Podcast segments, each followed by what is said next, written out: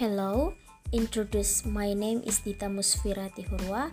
I'm a student from the Faculty of Language and Literature majoring in Business English Communication. On this occasion, I will tell you about the new story page with the title namely Healthy. I took uh, this title because I think this needs to be told or conveyed so that we can become healthy humans who that apply apply to good immunity or healthy in our bodies. Food is one of the important things that must be considered during the COVID-19 pandemic. Therefore, it is necessary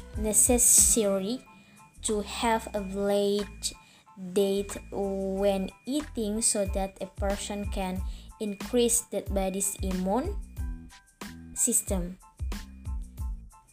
Balanced nutrition is an arrangement or daily food that contains nutrition in certain amounts, amounts and type uh, according to the needs of the body.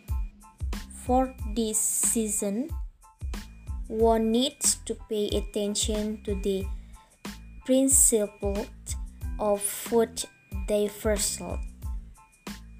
Control body weight regularly and maintain clean living behavior. Well, so for our bodies to stay healthy, we have to regulate our diet, diet and we have to keep exercising how to do that by staying awake in regulating eating, drinking, exercising, and also resting. Then also what can we do to keep use healthy of course, by paying attention to the intake we get.